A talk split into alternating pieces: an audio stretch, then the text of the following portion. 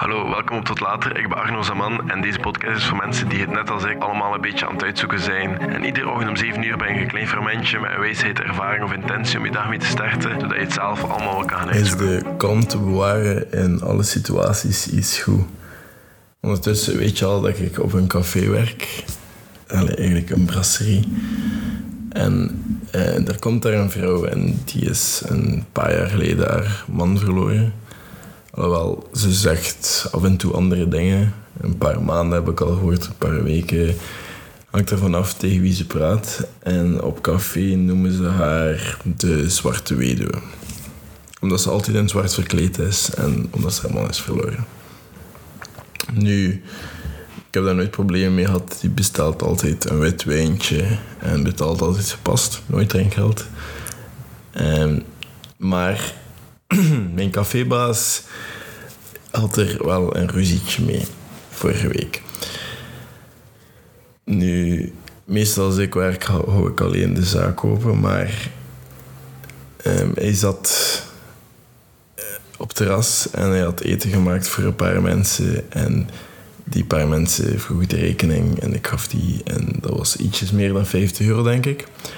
En mijn baas op het terras en de zwarte weduwe, ik ga haar zo blijven noemen, die zei redelijk luid voor het terras, amai, dat is veel. Nu, je moet al weten, die hebben stoverij gegeten, die hebben spaghetti gegeten, die hebben wijntjes gedronken, sterke biertjes. Dus op zich, bij ons betaal je echt niet veel voor wat je krijgt. En mijn baas was daar een beetje heel boos door. En die heeft zich heel kwaad gemaakt. Heeft haar zelfs uiteindelijk weggestuurd van het terras. Ehm, omdat ze het ontkende en omdat ze blijkbaar die mensen kende. En ze had dat blijkbaar aangeraden aan die mensen. En ze had niet gezegd dat er veel was. Nu, ik heb het ook gehoord, ze had het wel gezegd. Maar dat maakt nu niet zoveel uit. De dag nadien eh, zat ze op het terras. Ik was niet aan het werken. Eh, iemand anders was aan het werken. En de baas zegt van ja, nee, geef haar niks. Ze moet eerst haar verontschuldiging komen aanbieden. Nu, dat zijn mijn zaken niet dat die dingen oplost. En dat was toen... Heeft hij dat zo gedaan. En ze was naar de keuken gegaan, ze had nog altijd ontkend en ze was ontzeveren. En dan heeft hij haar weggestuurd en ze is blijven zitten op het terras, heel koppig. En dan heeft hij uiteindelijk de stoel onder haar weggetrokken, denk ik. Ehm, allemaal drama voor heel volwassen mensen. En dan vroeg ik mij af... Ik heb er achteraf een gesprek over gehad met hem. eh, of dat je soms niet de kant moet bewaren dat dat niet beter is. Ook gewoon omdat je je druk maakt over dingen waar je geen controle over hebt. Je kan die mevrouw wegsturen en daar, daar is het mee.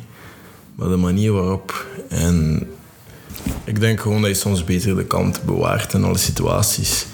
Dat doet me gewoon denken aan stoïcisme. Ik ben er de laatste tijd heel hard mee bezig. Ik ben ook de Daily Stoic aan het lezen, iedere dag een pagina.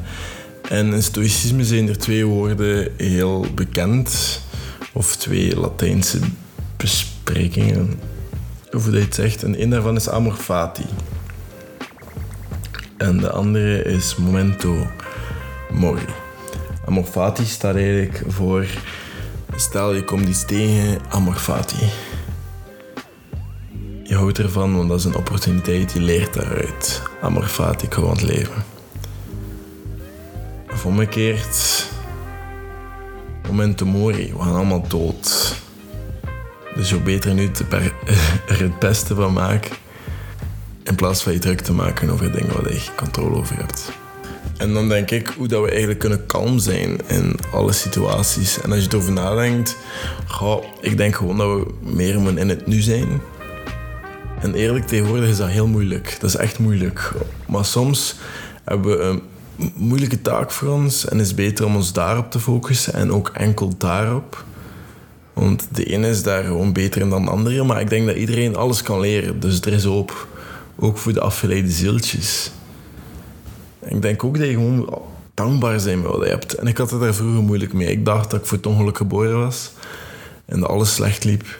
Maar ik heb nu heel veel om dankbaar voor te zijn. En ik heb nu heel veel zaken waar ik nu zo gelukkig door word. En dat ik heel blij mee ben dat ik die heb. En dat ik het heel jammer zou vinden, moest ik daar niet af en toe bij stilstaan dat ik die dingen heb. Want ik denk dat ik veel kansen krijg en veel dingen bereikt of heb de anderen niet hebben. En als ik daar niet bij stilsta, dan ben ik er precies mee aan het lachen. Denk ik dan. En ik, vind dat, ik zou het jammer vinden, moest ik dat dan niet doen. Ik denk dat dat vooral ehm, leidt naar het café-verhaaltje. Accepteren om dingen los te laten. Ik denk dat daar vooral het probleem zat. Zie dingen bijna als tijdelijk. Nu, ik zeg niet dat je al je relaties als tijdelijk moet zien. Maar moesten die plots eindigen, dat je accepteert dat dat voor een bepaalde periode in je leven was en niet meer. En dat dat oké is. Of gewoon dat je dingen kan loslaten. Als iemand iets zegt tegen je, dat dat los. Je hebt daar geen controle over. Die mens verdient die energie niet. Ik denk tegenwoordig in energie en niet in tijd. Waar steek ik mijn energie in? En wie verdient mijn energie en wie niet?